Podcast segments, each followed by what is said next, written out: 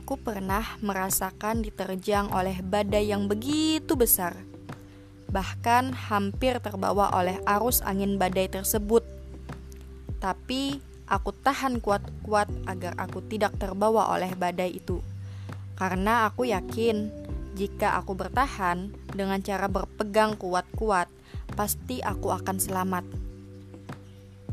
Kebahagiaan itu dapat kita raih dengan cara mudah Bahkan, menurut aku, lihat orang-orang yang kita sayang bisa tertawa riang, itu sudah masuk definisi kata bahagia. Tapi, kesuksesan tidak dapat kita raih dengan cara mudah. Ada yang dulunya dia dihina, diremehkan, direndahkan, diinjak-injak, hingga harus mengeluarkan nanah.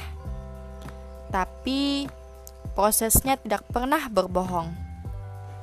Jika kamu mau bertahan sebentar lagi, maka kamu akan merasakan kesuksesan itu sesungguhnya. Namun, jika kamu menyerah dan berputus asa, maka perjuangan kamu untuk mendapatkan kesuksesan itu tidak akan menjadi kenyataan. Semangat ya! Bukan cuman aku, bukan cuman kamu, tapi kita yang sampai sekarang sedang berjuang. Nikmatin aja dulu prosesnya, hasilnya pasti tidak akan mengecewakan kok. Percaya deh sama aku.